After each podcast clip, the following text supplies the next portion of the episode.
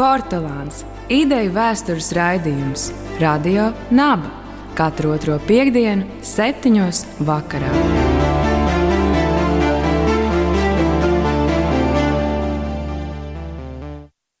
Labvakar, godātie radio naba klausītāji! Ar jums ēterā raidījums Portugāns. Studijā Rudolfs Vitoļņš, Mikls Solovejs. Un mūsu šī vakara viesis Jāzepa Vītola mūzikas akadēmijas profesors, džēza mūziķis un džēza pētnieks Indriķis Veitners. Labvakar, Indriķi! Sveiki! Jā, paldies, ka atnāci šovakar. Un, uh, īpaši iemesls sarunai par džēzu šķiet ar tevi nav jāmeklē, jo tu esi viens no zinošākajiem cilvēkiem Latvijas džēza vēstures jautājumos. Un džēzus jau vispār ir temats, par kuru interesanti runāt, jo Uh, tas nav stāsts tikai par mūziku, bet arī par dzīves izjūtu. Un par džēzi ir arī dažādi brīžiem pretēji viedokļi. No vienas puses, daudz uzskata, ka džēzs ir 20. gadsimta vizītkarte, uh, kas simbolizē laikmetu mentalitāti, tur ir brīvība, ātrums, uh, cilvēcība, radošums. Bet no otras puses, kāda saka, tas ir troksnis vai arī žanrs, kurā formā apēda saturu. Kas tev ir džēzs? Nu, laikam jau tomēr tā brīvība galvenokārt. Tas ir um, tas galvenais, uh, man šķiet, vismaz kas man laikam vienmēr ir. Um, nu, faktiski uh, paticis un aicinājis tajā muzikā, es teikšu tā. Uh, Jo tā izvēle notika tā ļoti pakāpeniski un pat varētu teikt nemanāmi. Nu, man ģimenē, protams, klausījās džēzu. Man paps nāk no tā saucamās kāzas paaudzes ar mammu, tie ir 60. gadi, 70. Un līdz ar to es to džēzu atceros jau no tādiem ļoti seniem laikiem. Un es vienmēr stāstu, ka viena no pirmajām atmiņām ļoti labi atceros, ka es biju maziņš virtuvē zem galda, klausos, mazur raidījums. Man varēja būt gadi, es nezinu, 5, 6 varbūt tās. Un es klausos mazur raidījums par džēzu un domāju, kas tās pa šausmām, kas tur skan nu, kāds ārprāts. bet tas bija džēza raidījums, jā, bet nu, tā kā tā. Un eh, līdz ar to. Nu, kaut kā viņš ir bijis visu laiku iekšā, un viņš ir tā gājis, gājis, gājis, un tas ceļš ir diezgan konsekvents. Tā brīvība ir viens, un otrs arī tāds ļoti liels godīgums, vismaz, kas bija kādreiz, jā, kad, eh, teiksim, 90. gados, tāpat, ka mēs visi gājām pie Robiškova uz, uz Hamletu un spēlējām tāds, džēza vidē bija tāds ļoti tāds Nu, ļoti vienkārši tas bija. Tas bija vai nu jā, vai nu nē. Tu esi uzkāpis uz skatuves, spēlē. Nevari, ej nost un nemācies. Aptuveni tā. Tā ļoti, ļoti vienkārši. Jā, tie spēles notiek ļoti godīgi. Un, un tas kaut kā man toreiz diezgan kontrastēja, atklācot ar to akadēmiskās muzikas vidi, kur es, kur es biju, protams, akadēmijā un tā. Nesakot nevienu sliktu vārdu par kolēģiem un profesoriem, jā, bet tomēr tā izvēle bija diezgan konkrēta un konsekventa. Tā kā šī lieta, es domāju, tā ir tā, tas ir tas, kāpēc, kāpēc, kāpēc man džeks ir īpašs un kāpēc es tur esmu iekšā. Mm. Un arī tā akadēmiskā pētniecība ir saistīta ar starpkara džēzu vēsturi, jā, un tā monogrāfija, kas tomēr ir tāda nu, šobrīd atskaites punkts par Latvijas džēzu vēsturi. Un, ja runā par Latvijas, Latviju un džēzu, kad mēs vispār varam par to runāt? 20. gadi. Nu, mēs varam runāt par to tieši tādā pašā kontekstā, kā visa pārējā Eiropa. Um, plus mīnus tas ir tas pats laiks, uh, daži varbūt nedaudz ātrāk, daži nedaudz vēlāk. Atcerēsimies, kad pirms tam ir Pirmais pasaules karš ar visām peripētijām, ja brūka impērijas, uh, revolūcijas, pilsoņu kari un tā tālāk. Līdz ar to Latvijā tas ir 20, nu, diezgan skaidri, nu jau ir redzams, ka tas ir 21. gada nogale kaut kādas informācijas drumslas jau atnāca ātrāk, bet tas absolūti korelē ar visām pārējām blakus valstīm. Jo Igaunijā, un Lietuvā, un Somijā un Zviedrijā ir aptuveni tas pats stāsts, vairāk vai mazāk. Skaidrs, ka tas džeks nāca iekšā kā deju muzika, un tajā laikā to neviens nopietni neuztvēra, respektīvi, kā kaut kādu jaunu žanru. Tā bija dīvaina no amerikāņu kārtējais, jocīgais izdomājums, ja? eksotiskas bungas, dīvains skanējums, šausmīgi skaļi, haotiski, var teikt, eksotika un dīvaini amerikāņi. Ja? Nu, vajadzēja tādus vēl vairākus gadus, kamēr cilvēki vispār saprata, par ko stāsts. Bet tas bija džeks, ko viņi spēlēja. Jo var nosaukt sevi, nu, tajā laikā bija modīgi džeks grupa vai, vai džeks bands. Ja? Vai ir saglabājušies ieraksti, kā tas skanēja? Ieraksti ir stipri vēlāk. Ieraksti principā Belakorda laiks jau. Un tātad tas jau ir 30. 30, sākot no 30. gadu sākuma. Līdz ar to, nu, pat tiem 20 gadiem, protams, tas ir liels jautājums. Nu, visticamāk, ka pašos sākumos nu, tas nav noteikti džeks tādā mūsu izpratnē. Bet šeit ir viens moments, kas būtu jāatcerās, kas ir tāda bīstamība. Man liekas, ka mēs nedrīkstam no šodienas mēra augsts to skatīties. Tanī laikā tā bija populārā māksla, tas bija, tas bija pops, pilnīgākais pops. Jā, tā bija tā lieta, kas bija modē, un līdz ar to nu, viņu tā sauca vienkārši. Tas, ka 50 gadus vēlāk mēs par džēzu saucam kaut ko pilnīgi citu, tas tagad nedrīkst mums, tas nedod mums iespējas tajā, tajā laikā kaut ko tur teikt. Ja? Mēs pētām nu, faktiski fenomenu. Fenomens bija. Ja, tā viņi sevi teikt, identificēja, ja, tā viņi sevi nosauca. Uh, cik daudz bija kaut kādas lietas, kas mums šodien um, šķiet nu, nesarām saistītas ar džēzu. Nu, tas ir atvērts jautājums, ko es domāju, neviens nekad neatbildēs, jo ierakstu nav. Mm. Bet mums ir fotografijas, mums ir instrumentārijas, mums ir bildes. Notis arī īsti tā kā nav, bet varētu vēl dažas atrast, un tad jau kaut kāds paralēls tur vilkt var. Bet, Glau, bet nu, pirmais latviešu džēzus skaņdarbs, šņāca mina. Kas tas ir? Nē, nu, par to man ir ļoti personīgs stāsts. Jo patiesībā nu, tikpat labi varētu atrast vēl kaut ko, jo datējumi jau īsti nav precīzi. Uz plates jau nav rakstīts, ierakstīts tad un tad, tur un tur tikos un tikos. Ja? Ir aptuvenais pieņēmums, ja? bet uh, ir tā, ka mums mājās. Uh, Nu, bija tāda ģimenes tradīcija. Man papam bija daudz visādi jauku vecu mantu, tā skaitā gramofoni, arī mantoti no tantēm, diezgan daudz plates. Un bērnībā mēs vienmēr atceramies to, kā mēs tur klausījāmies viņus, dzimšanas dienās vienmēr sveicu. Un, un es to šņācu minus daudzreiz dzirdējis. Ja, un it īpaši dzimšanas dienās tur mēdz uz tā gramofona uzlikt to glāzi ar vīnu, un viņi tā smuki griezās, smuki izskatījās, spēlē. Un vienkārši rakstot savu darbu, es pēkšņi attapos, ka tas ir džēza solo. Respektīvi, Džes, tas nav džēzus skaņdarbs. Tas ir populārs britu grāvējs tajā laikā, kas skanēja visā Eiropā. Visi uzlika savus vārdus un tā tālāk. Bet tās četras taktis, ko Salspurēns tur iedzied, viņš skato. Kas ir mhm. džēza valoda? Viņš izmanto sinkopāciju, kas ir džēza valoda. Un viņš imitē Luju Armstrongu, kas arī ir nepārprotama saistība ar džēzu. Tas viss ļauj man viņu faktiski, nu, kā lai saka, identificēt par to maziņo pirmo uh, uh, solo posmiņu, ja, kas rāda, ka tie cilvēki nu, zināja, kas tas ir, un viņi mēģināja to atdarināt.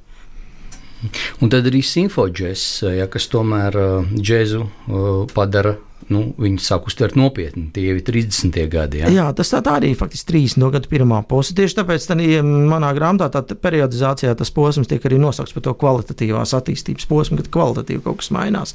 Ja līdz tam tā ir deju mūzika, izklaides mūzika bez īpašām citām, eh, kā lai saka, ekspektācijām, jā, tad uh, te ir mainās kaut kas. Te, tas paliek jau nopietnāks un ar daudz lielāku pievienoto vērtību, ja tā varētu teikt. Un, jā, un tas, ir, tas ir Jānis Vitoļņš. Tas ir uh, cilvēks, par ko noteikti vajadzētu uztaisīt kādu filmu. Jo tik, tik vētrainu dzīves stāstu tur, es domāju, ka nedrīkst laist postā. Jā, ka, sakot, viņš bija 17. gadā, viņš bija Maskavas konservatorijas students, viens no tās latviešu leģendāro mūziķu plējādes, kas studīja, studēja Krievijā, bet tā jau bija revolūcija. Tad viņš nonāca Sibīrijā kopā ar strēlniekiem. Viņam tur bija strēlnieka opera. Un tad viņš ar strēlniekiem apbrauca pusi pasaulē apkārt ar kuģi imanta, lai nonāktu atpakaļ Rīgā. Kara muzejā var apstīties stendu par to. Tad Rīgā viņš šeit bišķiņā mācījās konservatorijā, un tad viņš aizbrauca uz Ameriku. Un tad Amerikā viņš strādāja Metro Goldwyn Mayer un Paramount Pictures par štāta aranžētāju. Un tad atkal atbrauca atpakaļ uz Rīgu un tad uztaisīja simfoģēsu. Mm. Un pēc tam Eh, pārdzīvoja visu karu un bija LPSR komponistu savienības biedrs. Un viņa students bija Vlad Vladimirs Kaupušs, kas bija LPSR kultūras ministrs. Mm. Viens bet, no studentiem. Jā, bet tad atgriežoties pie džēza mūziķiem, nu tad ir pianists Džeks Mihaļickis, jeb Solomons Šloma Mihaļickis. Nu, Kas tev par viņu ir sakāms? Nu, viņš ir tā leģendārā persona, ko visi atcerās uh, no tiem laikiem. Prot, nu, kā labākais, labākais Latvijā džēza pianists un uh, ļoti, ļoti vieglu tādu straida piesitienu, ļoti gaumīgu spēli, arī ar diezgan tādu raibu likteni, kā jau visiem. Nu, diemžēl ļoti traģiskām dzīves beigām. Tas ir tas stāsts par, par, par 40 gadiem, par kara laiku, kad kad viena liela daļa no Latvijas džēza muzeķiem, kas nebija latvieši, nu, kas aizgāja bojā, protams. Jā. Bet par Mihaļicki man bija ārkārtīgi interesanti meklēt, meklēt informāciju, jo, piemēram, intervējot Valentīnu Freimani. Uh, nu, viņa stāstīja, kā viņa atcerās, kā viņš nācis pie viņiem uz māju spēlēt uz balītēm un piedalījies pasākumos. Jo Viņas tēvs bija visnotaļ pazīstams tajā laikā. Mm. Cilvēks kultūras aprindās. Bet tas nacionālais sastāvs starpkara periodā, džēzā, tātad latvieši, ebreji.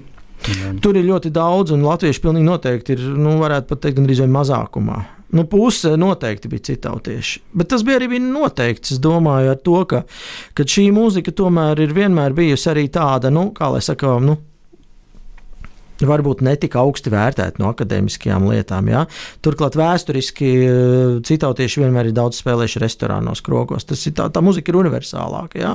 Nu, tā bija arī diezgan laba nauda, neapšaubām. Viņi īstenībā ir ļoti labi tajā laikā pelnījuši visi. Ja? Un, uh, tur ir ļoti rēps tas nacionālitāšu sastāvs. Tur ir ebreji, tur ir krievi, tur ir vācieši, tur ir čehi. Kas tik tur nav? Tie vārdi ļoti dažādi. Mm. Un tur raksta arī, ka nu, nacistiskās Vācijas okupācija lielā mērā likvidēja Latvijas pirmkara džēza tradīciju. Un galvenokārt tur raksta, ka tas notika iznīcinot ebreju mūziķus. Ja, arī mēs jau pieminējām, tad Džeks Mihaļickis, Solomons Šloma Mihaļickis. Un to arī raksta tikai neapstiprināts ziņas, ka viņš kopā ar citiem ebrejiem ticis nošauts Rumbuls mežā 41. gadā. Tas ir mīts, patiesība, kas ir avoti šai informācijai. To īsti nevar atrast. Tur ir tā, ka. Um tur ir bijusi mistērija. Jo teiksim, tā Rīgas aprindās cirkulēja tas stāsts, ka viņš ir eh, gājis bojā daudz ātrāk, ka viņš ir gājis bojā patiesībā kara pirmajās dienās, un viņš esot noslapkavots. Viņi esot nosituši bārā bārmeņi. Bet tā bija tāda nepār, nu, tā nepārbaudāma informācija. Vai Ne? Un tādā laikā jau vispār nekas daudz nepalika tur uh, pāri. Un to es dabūju no viena radio raidījumā, kur bija intervijas ar vecākiem kungiem. Un tā bija intervijas nepublicētā daļa. Un tas radio raidījums skanēja 78. gadā. Tāda pelēkā zona. Fakts ir tāds, ka Mihaļickis ir aizgājis bojā. Kā viņš ir aizgājis bojā, tur īsti nezinu. Tur ir kaut kāda tumša, tumša lieta bijusi. Kaut kāda, ko neviens nav gribējis cilāt. Vai nu, nezinā, vai nu nezinot, vai tāpēc, ka tas celtu augšā kaut kādus ļoti nepatīkamus faktus. Jo nav arī zināms, kas tur īsti noticis. Bet nu, fakts ir tāds, ka viņš, viņš 41. gadā aizgāja bojā vasarā. Bet tā varētu teikt, ka starpkara džēzus tradīcija tika pārauta. Un tas, kas radās jau 40. gados, otrā pusē, un arī padomju okupācijas laikā, tā tomēr ir cita tradīcija, vai ne? Jā, un nē. Jā, un nē, jo bija tāpēc, ka kungi, kas izdzīvoja, eh, bija kungi, kas, eh, nu, kas, kas transformēja to visu tālāk. Jā, bet te jāņem vērā vēl viena lieta. Uh, ok, bija tās visas kara dzirnavas, jā, bija viss uh, politiskie notikumi, tātad pa priekšu pirmā padomju okupācija. Starp citu, 40. Bai, līdz 41. gada vasarai, baigajā gadā, tur jau var viss kaut kas notika. Tur dažu labu aizsūtījuši Sibīriju nu, arī no muzeķiem tā skaitā. Belakordu nacionalizēja. Tur bija diezgan lielas mocības un problēmas visiem. Tāpat restorāna muzeķiem, kurus tur sāka tur tarificēt un tā tālāk. Pēc tam nāca vācieši. Vācieši nolikvidēja visus tātad ebrejus, jā, bet vācieši jau ar tā džēzu neatzina. Tas bija tas vācu atkal pieejams, ka tas džeks tur mēģināja izdzīvot. Jā, tur Tad vieglā mūzika, jā, tas, elementiem. Kā Birkāns vienmēr teica, un tā ir haltungs mūzika, jā, izklaides mm. mūzika. Starp citu, Alnis Zaķis nāk no tā laika. Jo viņš bija diezgan tādā apzinīgā vecumā. Man, man liekas, ka tieši tāpēc Zaķis arī bija tik ļoti kompetents eh, tajā radiobēnā laikā tieši uz tādu to radio, to, to, to, to vācu, to deju, to skanējumu, jo tas viņam kaut kur nāca, man liekas, no tiem laikiem. Tā sajūta, mm. tas vācu klasiskais šlāgeris. Ja? Nu, un tad nāca atkal, atkal padomju laiki. Ja? Turklāt sākumā jau bija līdzīgs stāsts kā 40. gadā, ja? kad tas čess vēl tā kā bija pa pusē atļauts un, un, un, un propagandas, nu, 40. gadā jau izmantoja reāli propagandai, faktiski padomju. Ja? Mm. Bet tad nāca tāda tā, riktīga cīņa pret formālismu, augstais karš. Šīs visas lietas, ja, un, un, un tad tas viss pagāja zem ūdens. Tas ir tas neizpētītais lauks, jo publiskajā telpā tas vārds praktiski pēc uh, kaut kāda 47, 6, 7 gada vienkārši vairs nav. Viņš, viņš aizliegts ir. Bet varbūt jūs varat paraksturot tās padomju režīma problēmu ar džēzu. Kāpēc? Bija ideoloģija. Tā bija tas... ideoloģija. Tā bija ideoloģija. Tie bija ienaidnieki, tie bija amerikāņi, un respektīvi tā ir mūzika, kas saistās ar uh, citu sistēmu, kas ir slikta, Galu galā, kas neatspoguļo padomu realitāti. Te ir jāatcerās, ka mēs runājam par Staļina laikiem. Staļina laikā bija ļoti stingrs tas tvēriens, un viņš eh, taču periodiski taisīja arī šīs tīrīšanas. Kas te galu galā ir cīņa pret formālismu? Cīņā pret formālismu ir reāli tīrīšana mākslas, mākslas, mākslas laukā, mākslas aprindās, inteliģences aprindās ar domu izravēt uh, neatkarīgi domājošos, savādāk domājošos un pakļaut visu to mākslu konkrētiem, stingriem ideoloģijas rāmjiem. Nu, Džeks ar savu brīvības ideju ir pilnīgā pretrunā tajā lietā. Protams, ka tā bija milzu problēma tādā ziņā, ka jūs jau varat aizliegt cilvēkiem priecāties, jā, bet viņi vienalga priecāsies, un, un jūs nevarat aizliegt nu, cilvēkiem dejot pie tādas muzikas, kādu viņi vēlas. Bet uh, atgriežoties pie tā jautājuma par to saikni, nu, bija vesela rinda ar muzeķiem, bet uh, tas atsākums vai, vai džēza attīstības sākums 50. gados ir saistāms ar politiku. Tas ir tas, kad Staļins 53. gadā nomira un pie varas nāca Hruščovs un sākās tā saucamais Hruščova atpūsnis. Un tas sakrita īstenībā ar jaunās paudzes ienākšanu. Tīri Jā, tie ir Ivars Birkāns, tas ir Zigorts Rezevskis, tas ir tas pats Rēmons Pauls. Tie ir tie, kam ir bišķi pāri Mazurs. 20. Mazurs arī. Jā. Arī, jā, Mazurs, jā. Nu, vis, visa tā mm, plejāde, kas visi ir dzimusi plus mīnus 30 Hogans. gadu. Eh, kaut gan bijis cits stāsts. Mm. Eh, kaut gan bija vairāk muzeķis. Viņš, viņš, viņš iebrauc no Krievijas, viņš iebrauc vēlāk. Viņš nav Latvijas. Viņš nebija 30. gados. Mm. Viņš bija no Plaskavas 44. Mm. gadā, kas iebrauc. Bet pārējie visi ir Latvijā dzimuši. Jā. Tie ir tie, kas piedzima īsi pirms otrā pasaules kara un kam tagad ir bišķi pāri 20. Līdz ar to viņi ir jauni enerģiski un absolūti ne no kā nebaidošies studenti, ne, kas vēlas darīt visu, kā nākās, kam jūri līdz ceļiem, un kas vēlas spēlēt džēzu, jo tā ir vispār visiem sapņu mūzika. Ja? Un e, man šķiet, ka e, tur notika zināma saikne ar tiem veciem spēlētājiem, bet es domāju, ka tie vecie spēlētāji vienkārši nu, pēc visām tām ciešanām, pēc visām tām peripētijām, es domāju, ka viņi bija visai piesardzīgi. Tas bija viens. Otram kārtām viņi jau spēlēja bišķi to veco. Viņi jau nāca no tiem 30 gadiem. Nu, Bobs jau 40 nu, tieši tā laiks noticis, ir mainījies. Jā, tur ir pilnīgi, tur ir modernais džeks, kas tagad attīstās, kas daudziem no viņiem bija principā nu, pavisam, pavisam svešs. Un tāpēc arī es domāju, ļoti daudzi no tiem vecajiem muzeķiem arī nu, aizgāja mm, tādā kā savā, bišķi nostākā pasaulē. Viņi restorānos diezgan daudz spēlē. Viņi spēlē tur, kur viņi jutās salīdzinoši komfortabli, mierīgāk, varbūt kaut kādā savā komforta zonā. Starp citu, daudz arī visādos klubos, zinu, ka Zubkovs, kas ir arī viens no tiem orķestra vadītājiem 30. gadu beigās. Ja?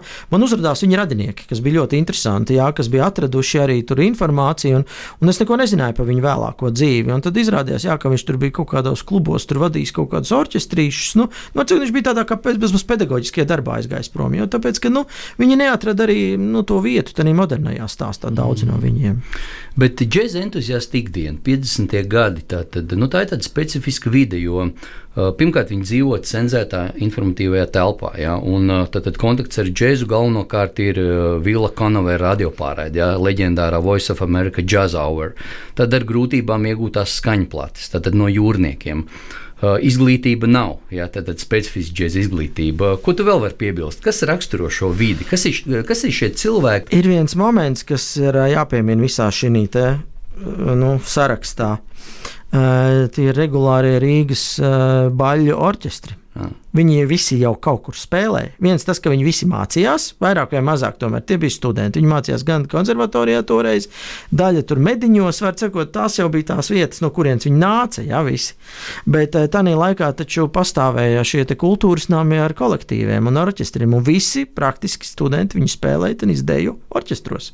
Tas jau bija oficiālais uzstādījums cilvēkiem, tā teikt, darba ļaudīm, piekdienas vakaros ir kultūrāli jāatpūšas un jādodas uz vietējo rūpnīcas klubu dejot, kur spēlē orķestris.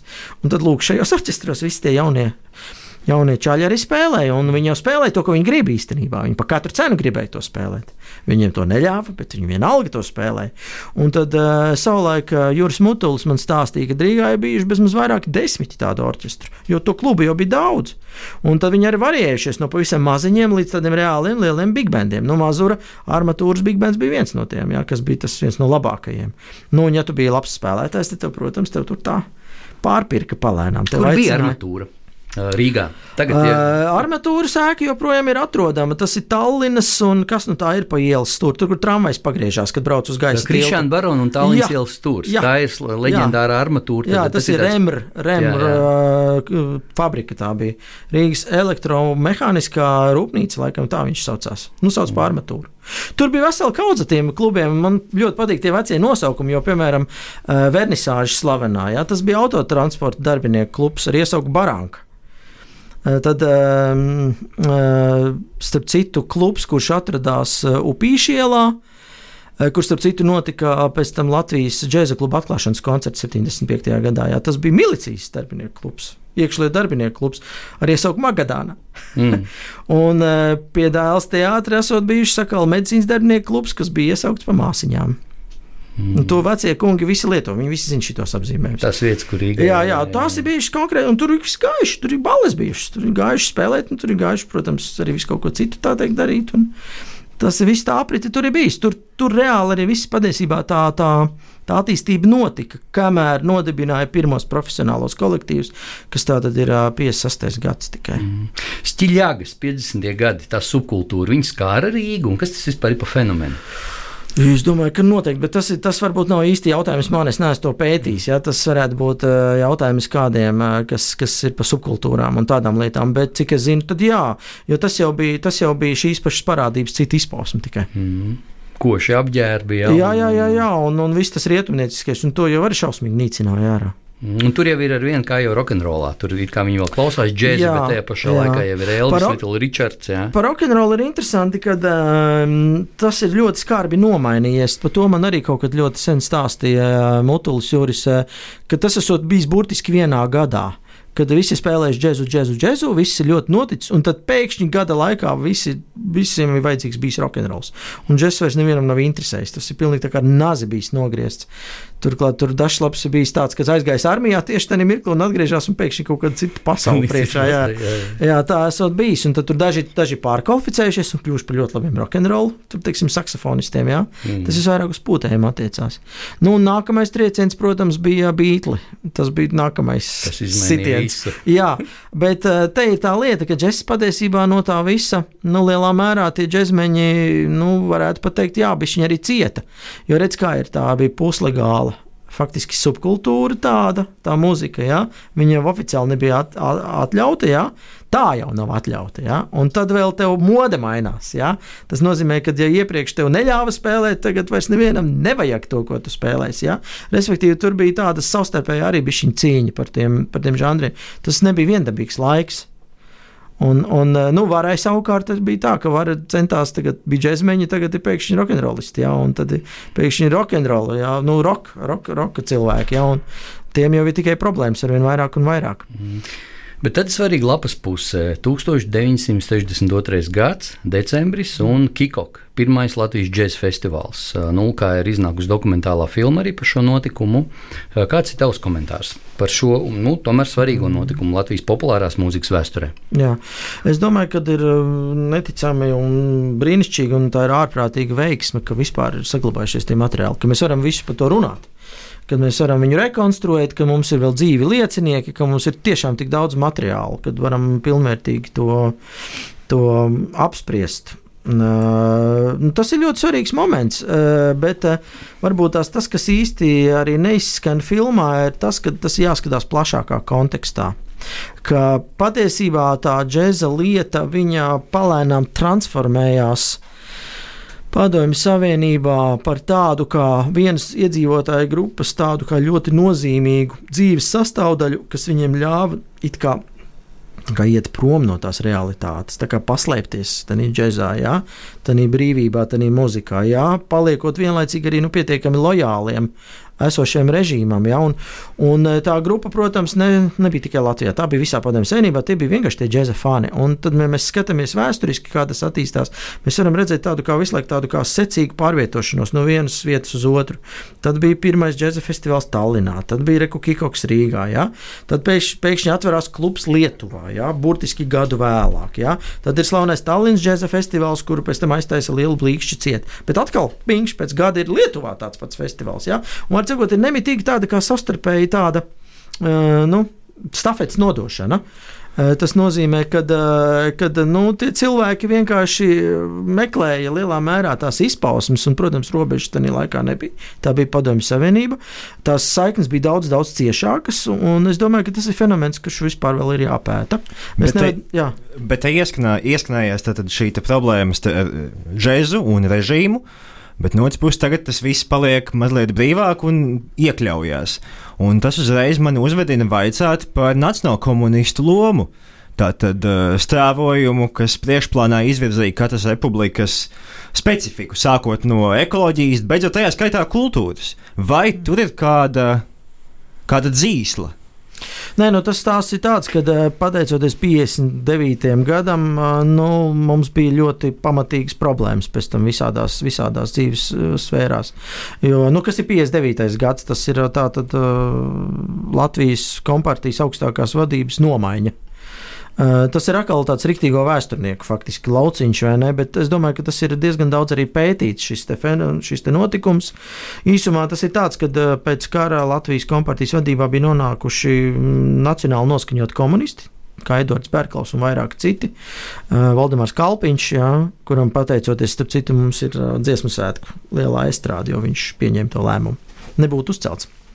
Jā, un uh, vienkārši nu, bija, protams, arī tas. Uh, Otrs ļoti reakcionārais spāns, jo toreiz tā situācija bija tāda, ka tie otrie sekretāri vienmēr bija no Maskavas, no Krievijas. Tie bija tie īstie. Kā, jā.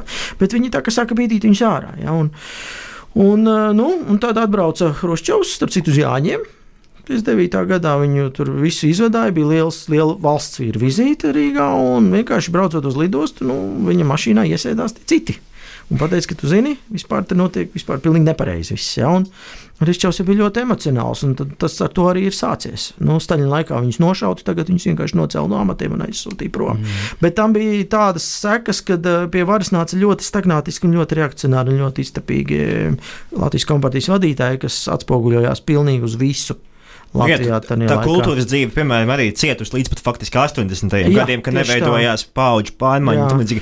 Bet atkal tikko izskanēja 62. gadā mums festivāls. Nu, jā, bet viņi jau būtībā ap, apgāja to pasākumu. Viņi jau to izdarīja. Tas jau ir tas, tas, tas skaistākais, man liekas, Nikikokā, ka viņi jau to izdarīja apējot oficiālo oficiālo visu to varu. Tāpēc arī bija tik, tik agresīvas tās sekas, tāpēc viņi visi bija tik nikni. Ja, kad mm. viņus var vienkārši tā ap, ap, aptīt ap pirkstu, prasti sakot, ja, jo, jo organizēja komjaunatne, organizēja Kiko komjaunatnes, kino, Saki, kino komjaunatnes klubs. Tie ir komjaunieši, kur dara sveitīgu lietu, kuri regulāri satiekas un diskutē par jaunākajām filmām, un, un pēc tam ļoti kulturāli priecājās džēza pavadījumā. Un tie džēzmeņi tur saveidoja to klubu un visu to norganizēja. Faktiski tā kā bezmaz zem oficiālas birkas, jā, bet izrādījās, ka tas ir ļoti pretvalstiski.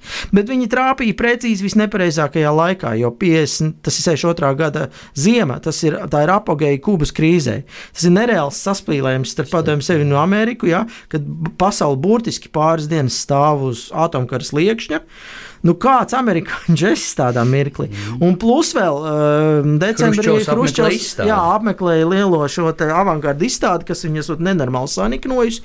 Tas ir tie slavenie stāsti, kur viņš esot kliedzis un bez maz rāvis nost visus tur un, un, un no sienām. Un, un tā bija, protams, pēc tam partijas līnija, kur oficiāli visu pēc tam smuki pēc kārtas visi nosodīja. Ja, ka, nu, fuj, tas ir ļoti slikti. Tā skaitā džeks ir arī ļoti slikti. Un, Un kā tādā grāmatā nenocenzētie par, par, par, par kāzu, ja, tur tā arī raksta, kad, kad džēza festivālu viņi būtībā nospēlēja burtiski dienu pēc tam, kad partija oficiāli džēzu bija aizliegusi mm. padomju savienībā. Nu, tad tā arī bija rezultāts, protams. Jā, bet tad ir realitāte. Vos no skatuves oficiāli kritizēja džēzu par šo epizodi, Indriķis. Jā, nē, nu tas ir avīzē. To jebkurš var melns uz baltu izlasīt, vai iet, um, var cikot Latvijas. Šodien ir Latvijas LV. Jā, uh, un, uh, un apskatīties to Savetskajam Malaģošu. Tur jau tas ir iekšā, arī numurā. Tur melns uz balta tas ir rakstīts. Kad, kad Kikoks un zemākie paraugi un, un, un Ņetapus ķīmija aranžirovki. Jā, jā, jā, jā, un tā tālāk. Tas tur ir rakstīts. Nu, skaidrs, ja partijas vadītājs šitā pasaka, tad jau viss. Mm. Kas notiek ar džēzu 60. gados? Nu, es domāju, ka tas arī ir tas rezultāts pišķītiņai lietai, kad ar džēzu kļuva baigi grūti. Jo tāpēc, kad oficiāli viņš tā kā īsti atļauts nav, Jā, nevar cilvēki, nu, muzeķi to grib spēlēt, bet tā mode arī mainās pakāpeniski. Jā. Un tad es domāju, ka tā izmaiņa notika tad, kad Raimons Pauls kļuva par Reo vadītāju. Kad, kad, Rīgas estrādes orķestra. Jā, Rīgas jā. estrādes orķestra vadītāju. Kad Švarts aizbrauca prom ar Mondrusi, tad, tad, nu, tad viņam vajadzēja kaut ko darīt. Un, un redz, ja tu raksti savu mūziku, Tev neviens neko pateikt nevar. Tā ir tava autora kompozīcija. Turklāt tu jau vari rakstīt, kā tu viņu gribi. Visādīgi. Viņš jau rakstīja sākumā tās ļoti džēzi iespaidotas kompozīcijas. Tur var labi dzirdēt. Tur ir Erols Gārners, tur ir viss kaut kas. Tur ir arī tās formas, ir tradicionāli atbilstošas tā džēza, džēza klasiskajām formām, 32 taktu formas, ABA, uzbūve un tā tālāk un tā joprojām, kas ir nu, principā tā kā džēza standarti gandrīz vai.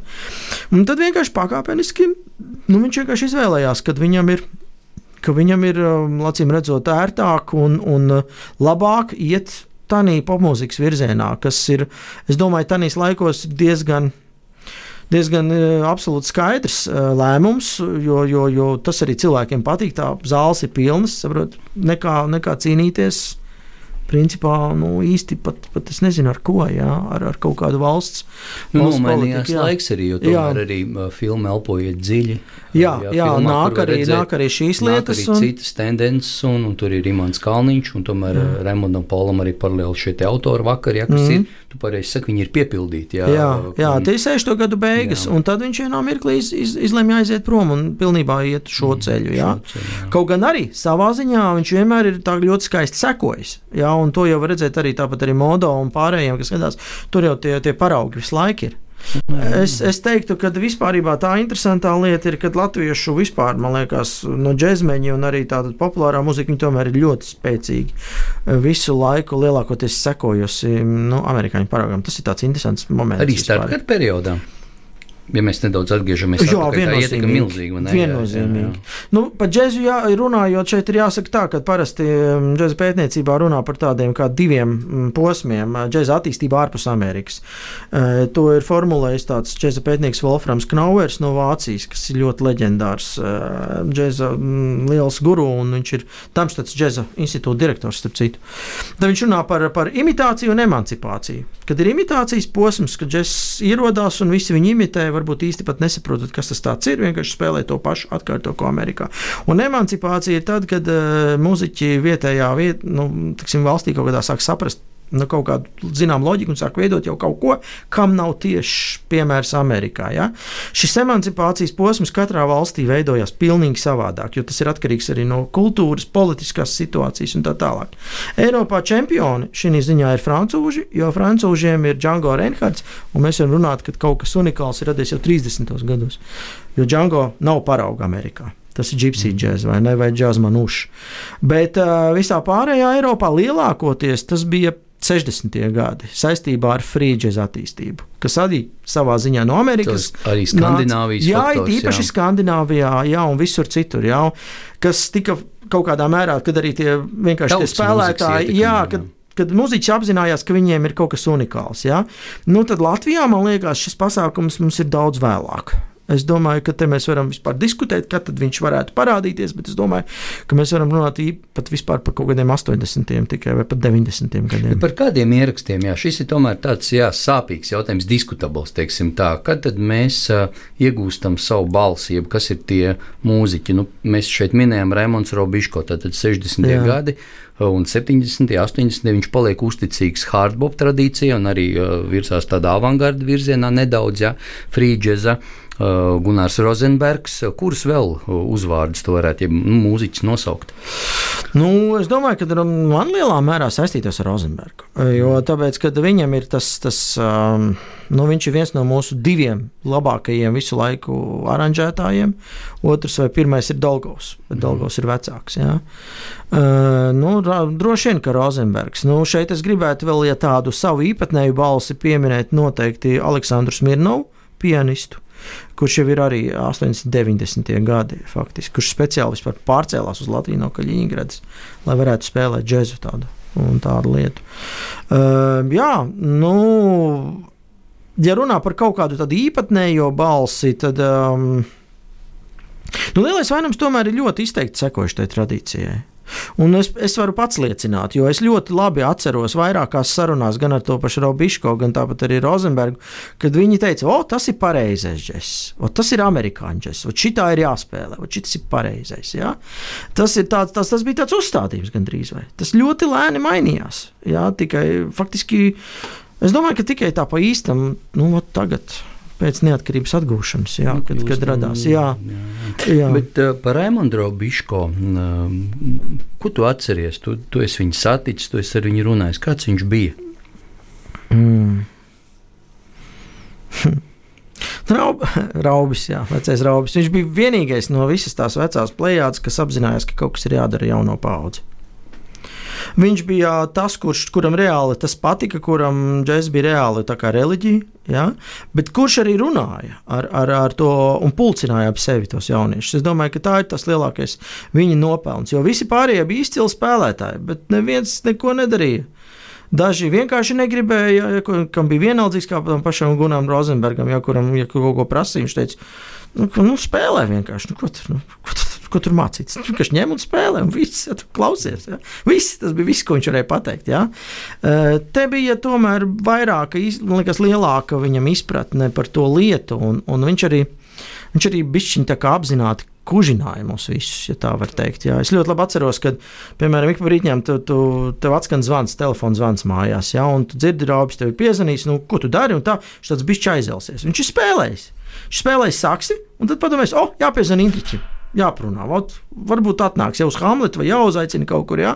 Es ļoti labi atceros, ka viņš organizēja to pirmo saksofonu uh, konkursu Staicelē 1999. gadā. Šis mūs visus tur tā pa vienam apzvanīja. Patiesībā viņš teica, Otfēst konkursu noteikti tā kā vajadzētu mm. piedalīties. Un tā mēs tur visi bijām. Gīns Pabērs, tur Denis, tur Zintis Žvārds. Visi, visi mēs tur bijām. Jā. Mm. Visi tā man, man mūsu ģenerācija. Jā. Un um, tādā ziņā Raubis bija, bija tāds kā, kā ļoti liels, liels um, nu, ļoti liela autoritāte. Pie kā visi arī tur nāca, tā kā, tā kā ciemos pie tāda guru, tur uz to Hamletu. Viņš vienmēr tur sēdēja stūrī, zili, melni piepīpēts. Viss, ja, tur neredz vispār, un viņš tur stūrī sēž. Un, un es kā šodien atceros, vienmēr visiem studentiem stāstu. Tu ienāc iekšā, viņš saka, o, oh, čau! Nu? Nu, ko tu šodien jaunu esi sagatavojis? Doksies iemācījies. Jā, no, nē, bet tā, ko tu šodien jaunu esi sagatavojis? Jā, tā. Tādā tekstā. Un tad kaut kādā otrā, trešā reizē tu, tu pasaki, nu, vispār es tur spēlēju, tur Olafmī. O, baigi forši! Uzspēlēsim! Un tad viņš to vienmēr to pirmo tēmu pats spēlēja, un tad otrajā tēmā vienā mirklī viņš tā, nu, davai, nu, naču! Mm -hmm. nu, Olafmī, vai laižam. Jā, tā kā tādā ziņā tas bija ļoti, ļoti, ļoti tā bija tāda kā, tā, kā, tā kā skola, tāda dzīves skola. Ja, un, mm. Un, protams, ka viņam bija liela tā dzīves pieredze, un viņš tur bija izgājis tam visam cauri. Jo ar abiem jau arī bija, viņam bija, nu, viņam bija periodi. Jo, ja sākumā viņš bija ļoti tāds, eh, teiksim, nu, kā jau visi tādā hardbop tradīcijā, tad eh, divi R, divi B ir stipri uz free pusi. Kurus ierakstu minēt? No divi R, tas ir, nē, tas, tas, ir vēlāks. Tas ir vēlāk, nē, divi R plus divi B, tas ir sastāvs. Baņķis, Bolderevs. Bolderevs, jā, un Robiško Rozenbergs. Tas ir 70. Mm. gadu sākums. Tas ir īstenībā tāds reāli postbops, tāds frīģis, diezgan izteikti frī. Un tad uz beigām tad gan viņš palika ar vien vairāk tāds konservatīvāks, ja tā var teikt. Tad viņš aizgāja tīri uz to hardbopu jau atpakaļ. Jā, bet Eģiptes gleznies, kur ir galinieks un jā, brieškāns, jā, jā, tas ir, tas ir, bet tas arī tas ir tāds postbops, postbops īstenībā, jā. Um, tas ir 80. gadi. 83. un 84. Jā, jā. Nu, vinila plati ir pieejama. Mm -hmm. Bet tad pa 90. gadiem nu, nav vairāk cenzūra, nekā vairāk nav. Nu, spēlējiet, ko gribiet. Jā. Uh, tu tomēr esi tā paudze, 90. gadu paudze. Kas motivē? Jo tomēr tā džēza pārmantojamība tradīcija, viņš šeit ir. 90. Nu, gadi, tev palicis atmiņā? Ir? Nu, 90. gadi ir ļoti īpatnējs laiks, jo uh, tur ir vairāki momenti. Viens ir tas, ka nogrūst visi iepriekšējie, nogrūst visi iepriekšējie mm, oficiālās struktūras. Tas ir viens moments, kas ir ļoti jāapzinās, kad patiesībā pēc tās neatkarības atgūšanas sākās baigi bēdīgs laiks, kad bija ļoti grūti, kad ļoti daudziem bija reāls izdzīvošanas problēmas, nu, un, un arī tie, tās iepriekšējās struktūras vienkārši izbeidzās. Radio Big Band 95. gadā nolikvidēja. Vasaras ritmi beidzās, tāpēc, kad uh, tas bija uzbūvēts arī principā uz pilnīgi citām lietām. Ja? uz, uz citām naudām, kas vienkārši izbeidzās. Jā, bet sākās daudzas jaunas lietas. Jā, un, un, uh, tur ir tāds fenomens, ka, uh, tur ir tāds liels tāds fanka posms saucamais, jā, kas, ko es tiešām arī pats esmu piedzīvojis. Es ļoti labi atceros, ka pēkšņi vienā mirklī visi baigi spēlēja funku, jā, visās malās. Un, un es, starp citu, ļoti labi atceros, kā vecais tāpat Raubiško, viņam nenormāli riebās. Viņam nepatīk, viņš spļaudījās par to funku, un, un toreiz vēl aizgāja prom no koncerta, no šī tā trombonista, kā es saucu, aizmirsu, Zviedru trombons Lindgrēna koncerta, jā. Tāpēc, ka viņam vienkārši nepatīk. es ļoti labi atceros, es sēdēju balkonā, filenē, un tur apsiet ārā. Fu! Teicu, es ceru, ka šo disku tu nepirksi, vai ne? Tur tur zelta no tur. Protams, ka es nopirku. Ir tas disks mājās, jā, bet, bet, bet, bet nu, tas ir saistīts atkal ar to fenomenu, kad redz Rīgā arī savā ziņā tukšā vietā, ienāca tā norezonēja tā jaunā mūzika. Un tas sakrit ar, ar, ar jaunu paudzi, kas vēlējās eh, spēlēt, kas vēlējās to visu darīt, un kas vienkārši kaut kādā veidā tur saslēdzās kaut kādas lietas. No, tas ir klausītājs. Jā, tas jau arī norezonē. Jā, ļoti, jā, jā tas ir time after time. Tā ir arī pasaules kultūra, un tas ir tas, protams, leģendārais Green Petroleum Funk. Tas jau ir tie, tie kas to izdarīja. Ja? Un, un faktiski pēc tam seko vesela plejāda ar jaunām grupām, kuras šodien neviens vairs neatcerās, bet kuru dalībnieki ir visi vadošie pat labanējai īstenībā Latvijas džēza scēnas pārstāvi, kā, kā to.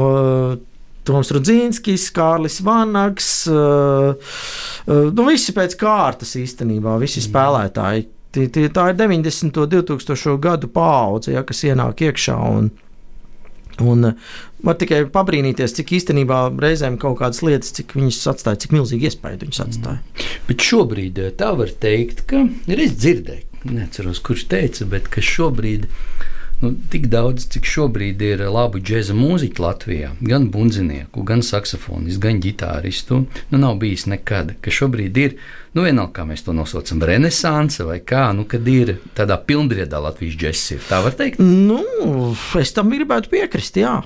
Bet tur ir atkal vairāki aspekti, jā, kāpēc ir, no kurienes viņi visi radās. Nu, tā ir tā lieta, kas nebija visu iepriekšējo laiku, nebija skolas. Trīs gadu atpakaļ bija akadēmijas džēza katedrē desmit gadi. Es sataisīju to absolventu sarakstu pāri pa 50. Tur ir visi vadošie Latvijas spēlētāji, un tie ir akadēmijas absolventi. Uh, kamēr akadēmija nebija, jā, tad viss tad brauca prom cilvēki. Jā, bet uh, es teiktu, ka uh, tā pamata raža tomēr ir vietējais. Tas ir vietējais stāsts. Tā ir vietējā izglītības sistēma, kas ir izveidojusies nu, tikai būtībā 2000. gadu sākumā, un tas ir rezultāts tam. Tas ir rezultāts tam. Un šobrīd kā izklausās Latvijas džeks? Kādas galvenās tendences, iezīmes, kas raksturo Latvijas džēzu šodien? Es domāju, ka viņš ir ļoti daudzpusīgs. Ļoti grūti noteikt kaut kādas galvenās tendences, manuprāt. Ir diezgan raibi. Uh, bija tāds raksts jau vairākus gadus atpakaļ, Raips kā dzeņa vēders. Jā. Uh, es domāju, ka var atrast gan arī katrā virzienā kādu spēlētāju, kas kaut ko dara. Jā. Tas, kas man liekas pēdējā laikā diezgan izteikti rādās, ir viena kompānija, kas baigi sāk iet free virzienā. Tad tie ir tie, kas pamatā pulcējās ap M darbnīcu. Tad, protams, mūsu noteikti konkrētais fenomens ir big bandu kultūra, jo tas ir unikāli. Ne lēšos, ne igauņos, ne tuvu nekā tāda nav. Mums te ir pārpa desmit, un visi spēlē. Jā, tas ir diezgan liels fenomens. Bet tas arī, es domāju, kaut kur savā ziņā ir vēsturiski noteikts. Jo Latvijas džēza vēsture faktiski ir, ir, ir starp diviem big bandiem. Tas ir EO un Radio Big Bands vecais. Tā, tie ir tie divi lielie tie stabi, ne, uz ko tas viss ir bijis, balstījies visu laiku. Ar milzīgu joprojām slāvu, joprojām to atcerās. Tās ir leģendas. Ja? Kā es domāju, varbūt tā big band kultūra lielā mērā ir saistīta arī ar šo kā tāda zināmā nostalģija, varētu pat teikt. Jā, kaut kur iekšā visur. Tās ir lietas, jā, tas, kas ir. Nu, tas skandināviskais, es teiktu, ka tas ir kaut kādā mazākā daļā. Man liekas, ka diezgan aktīvi starp citu vokālisti. Un, un uh, ar visdažādākajiem projektiem, jo tur arī tur var saukt visus pēc kārtas. Tur bija Beata Zviedra, Evelēna, jā, tur Santa Šillere. Tur tā viņi visi ņemās, jā, un baigi Taumans. Dalmats Kalniņš. Mm. Un turklāt, kas man liekas, ir galīgi ok, ka daudz arī nu, nemaz ar džēzu. Nu, viņi iet prom no tā džēza, tas, tas žanriskās ietvara. Ja? Respektīvi, kas arī bija uz, uzdevums. Uzdevums eh, jebkurai arī vismaz mums džēza nodaļā ir, nu, džēzs ir tikai līdzeklis. nu, stilam tā teikt, nav nozīmes. Jā. Faktiski tavs uzdevums ir veidot profesionālu uh, mūzikas tirgumu, sagatavotu cilvēku, kurš spēj darīt to, ko viņš vēlas, un iet faktiski jebkurā virzienā būt veiksmīgs jā, mūzikas nozarē, jā, šī brīvajā. Jā, un līdz ar to es domāju, ka tas arī pierādās. Jā. Tā kā, tā kā es domāju, ka Es, es, es personīgi gaidu lielu kaut kādu tādu startautisku izrāvienu jau vairākus gadus. Man šķiet, ka visi mm, šie nosacījumi ir, ir, ir skaidri un ir vienkārši kādam ir jātrāpa un jāizsit cauri kaut kāds lielāks panākums. Jo profesionāli, manuprāt, viss ir pilnīgi ļoti labā līmenī. Arī apritē ir viss notiekās, visi mēs esam arī pietiekami startautiskā apritē. Un, nu, jāgaida varbūt kaut kāds tāds riktīgs. Mm -hmm breakthrough. Jā, Indriķi, noteikti mēs vēl varētu uzaicināt tevi vēl kādreiz, jo tev ir, tev ir ko stāstīt. Bet, uh, ja es tev jautātu, um, un varētu būt tāds brīnumbrīdis, tu varētu dzirdēt piecas minūtes, noklausīties un izvēlēties vienu no jebkuru Latvijas džēza mūziķi. Nu, mūsu vēsture jau ir simts gadi, vai ne? Kur tu gribētu dzirdēt? Ui, tas ir baigais jautājums. Es laikam tomēr gribētu pārvietoties uz tiem 30 gadiem. Un tas pat nebūtu viens kaut kāds mūziķis, bet tas būtu tas laiks. Es gribētu, ja būtu iespējams pārceļot laika mašīnā, es gribētu iekāpt un aizbraukt uz kaut kādu to 28. gadu un aiziet uz kādām no tām balēm un paskatīties, kā tas patiesībā tur notika. Es domāju, tas būtu satriecošs piedzīvojums. Jo Jo, nu, lasot visas tās avīzes, ejot cauri tām jaunākām ziņām, tā bilde ir tik krāšņa, un, un tie cilvēki tā ir mācējuši priecāties. Ja, un, uh, es kaut kā ļoti izjūtu to laiku. Varbūt, varbūt arī tāpēc, ka man bija, nu, man ģimenē bija diezgan daudz arī no tā laika, un, un tāpat stāsti arī no nu, vecās mammas, vecāmāmas, vecā tēva. Es kaut kā jūtu to laiku, ja, un es tiešām labprāt būtu tāds, apstītos, kā tas patiesībā bija. Jā. Paldies, tev, ka atnāci, un paldies arī par to darbu, ko tu dari. Paldies! Un raidījums Porcelāns atgriežas pēc divām nedēļām.